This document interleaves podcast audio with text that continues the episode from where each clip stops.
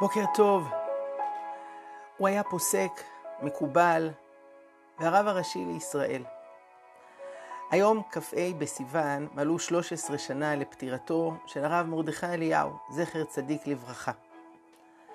הילד שגדל בעיר העתיקה בירושלים בעוני גדול, שבגיל 11 התייתם מאביו, ומסר את הנפש על אהבתו הגדולה, התורה, גדל ובגיל 31 נעשה הדיין הצעיר ביותר בארץ, בבית הדין בבאר שבע, בהמשך בירושלים.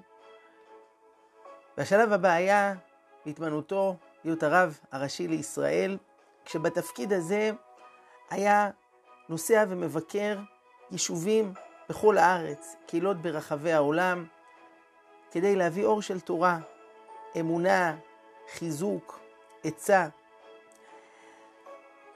הרב אליהו היה רבו של יונתן פולארד, המרגל האמריקאי, והוא ביקר אותו עשר פעמים בכלא בארצות הברית.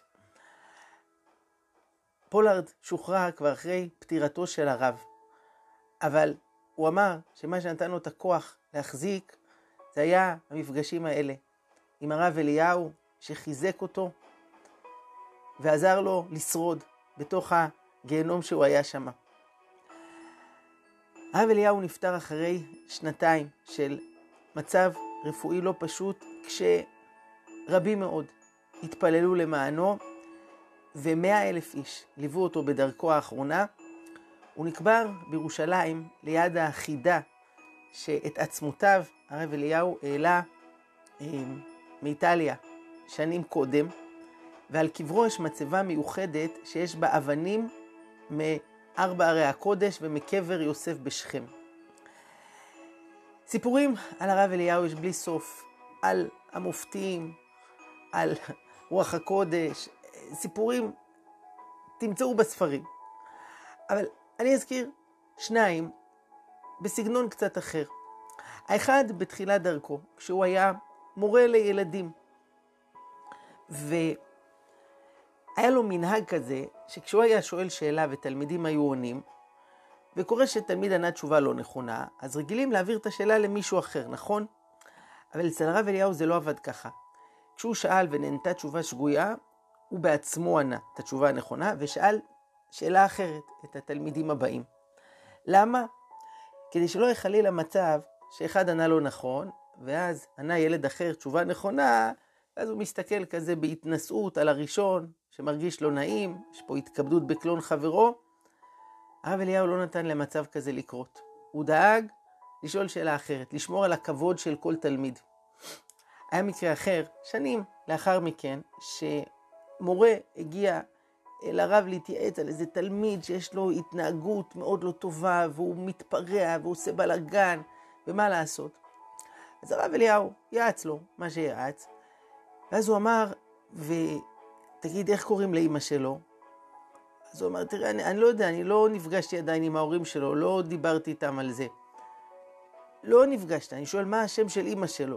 הוא אמר, אני לא יודע איך קוראים לאימא שלו. אז הרב אליהו אמר לו, רגע, אז, אז איך אתה מתפלל עליו, אם אתה לא יודע את שם האימא? הוא בא להגיד בזה, שחוץ מזה שאנחנו משתדלים על הילדים שלנו ותלמידים שלנו, צריך להתפלל על זה. הוא בעצמו היה ימים שהיה צם למען תלמיד שהיה לו איזה קושי, היו לו בעיות, כדי שיזכה לישועה והצלחה. הסיפור הנוסף סיפר נכדו. הוא אמר פעם, הלכתי לישון מהבית של סבא, והביאו לו מחשב אז לבית, זה היה דבר די חדשני, ששם פרויקט השו"ת, והיה שם גם איזה משחק מחשב. ומאוד מצא חן בעיניי, למחרת בבוקר לא הלכתי לבית ספר, לא הלכתי לישיבה, התיישבתי ליד המשחק, במחשב, שהיה שם גם איזשהו משחק, ושיחקתי. וסבא עובר ורואה אותי, ואני לא הולך לתפילה, לא הולך ל- ללימודים. שואל אותי, מה שלומך? אתה מרגיש טוב? אמרתי, כן. אני ממשיך לשחק. ועובר שוב, אחרי חצי שעה, ואני עדיין משחק. שואל אותי, אתה רעב? אמרתי לו, כן, קצת. הלך, הכין לי חביתה, עשה לי שוקו, והוא עובר שוב, הוא לא אמר לי אף מילה, הוא לא נזף בי, הוא לא כעס, הוא לא צעק עליי, אבל אני הרגשתי מצד אחד את האהבה שלו, מצד שני, הוא נותן לי לעשות את הבחירה ואת ההחלטה. שיחקתי באותו יום במשחק. לקח לי זמן עד שהלכתי לבית ספר, אבל זו הפעם האחרונה בחיים שעשיתי את זה. וסבא, בנועם, מתוך אהבה, לא כעס עליי, נזב בי, סגר לי את המשחק, הצליח להעביר לי את המסר. הזמן יקר, והחיים הם כל כך חשובים לנצל כל רגע, הוא בעצמו בהתמדה עצומה בכל שנייה, ויחד עם זאת, סיפרו בני משפחתו, הילדה שלו, איך היה מכין את השיעורי בית, עוזר לה לקשט את השערים של המחברות, לדעת לתת לכל דבר ולכל אדם את המקום שלו בתשומת לב ובאהבה. היום, כ"ה בסיוון, יום פטירתו של הרב מרדכי אליהו, זכר צדיק לברכה, שזכותו תגן עלינו ועל כל ישראל, ונזכה ללכת בדרכיו. שיהיה לכם בוקר טוב.